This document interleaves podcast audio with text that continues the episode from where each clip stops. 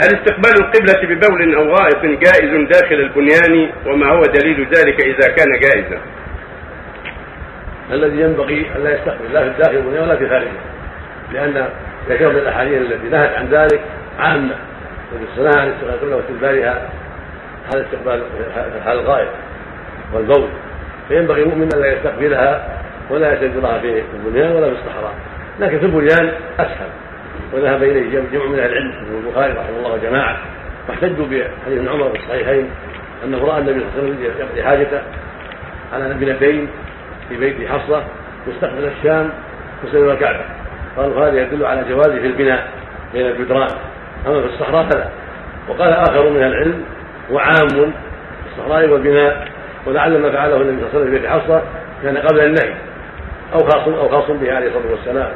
فلولا بالمؤمن أن يتحرز وأن لا يستقبل اذا تيسر له ذلك لا في الصحراء ولا في المدينة عملا بعموم الاحاديث وخروجا من خلاف العلماء واحتياطا للدين.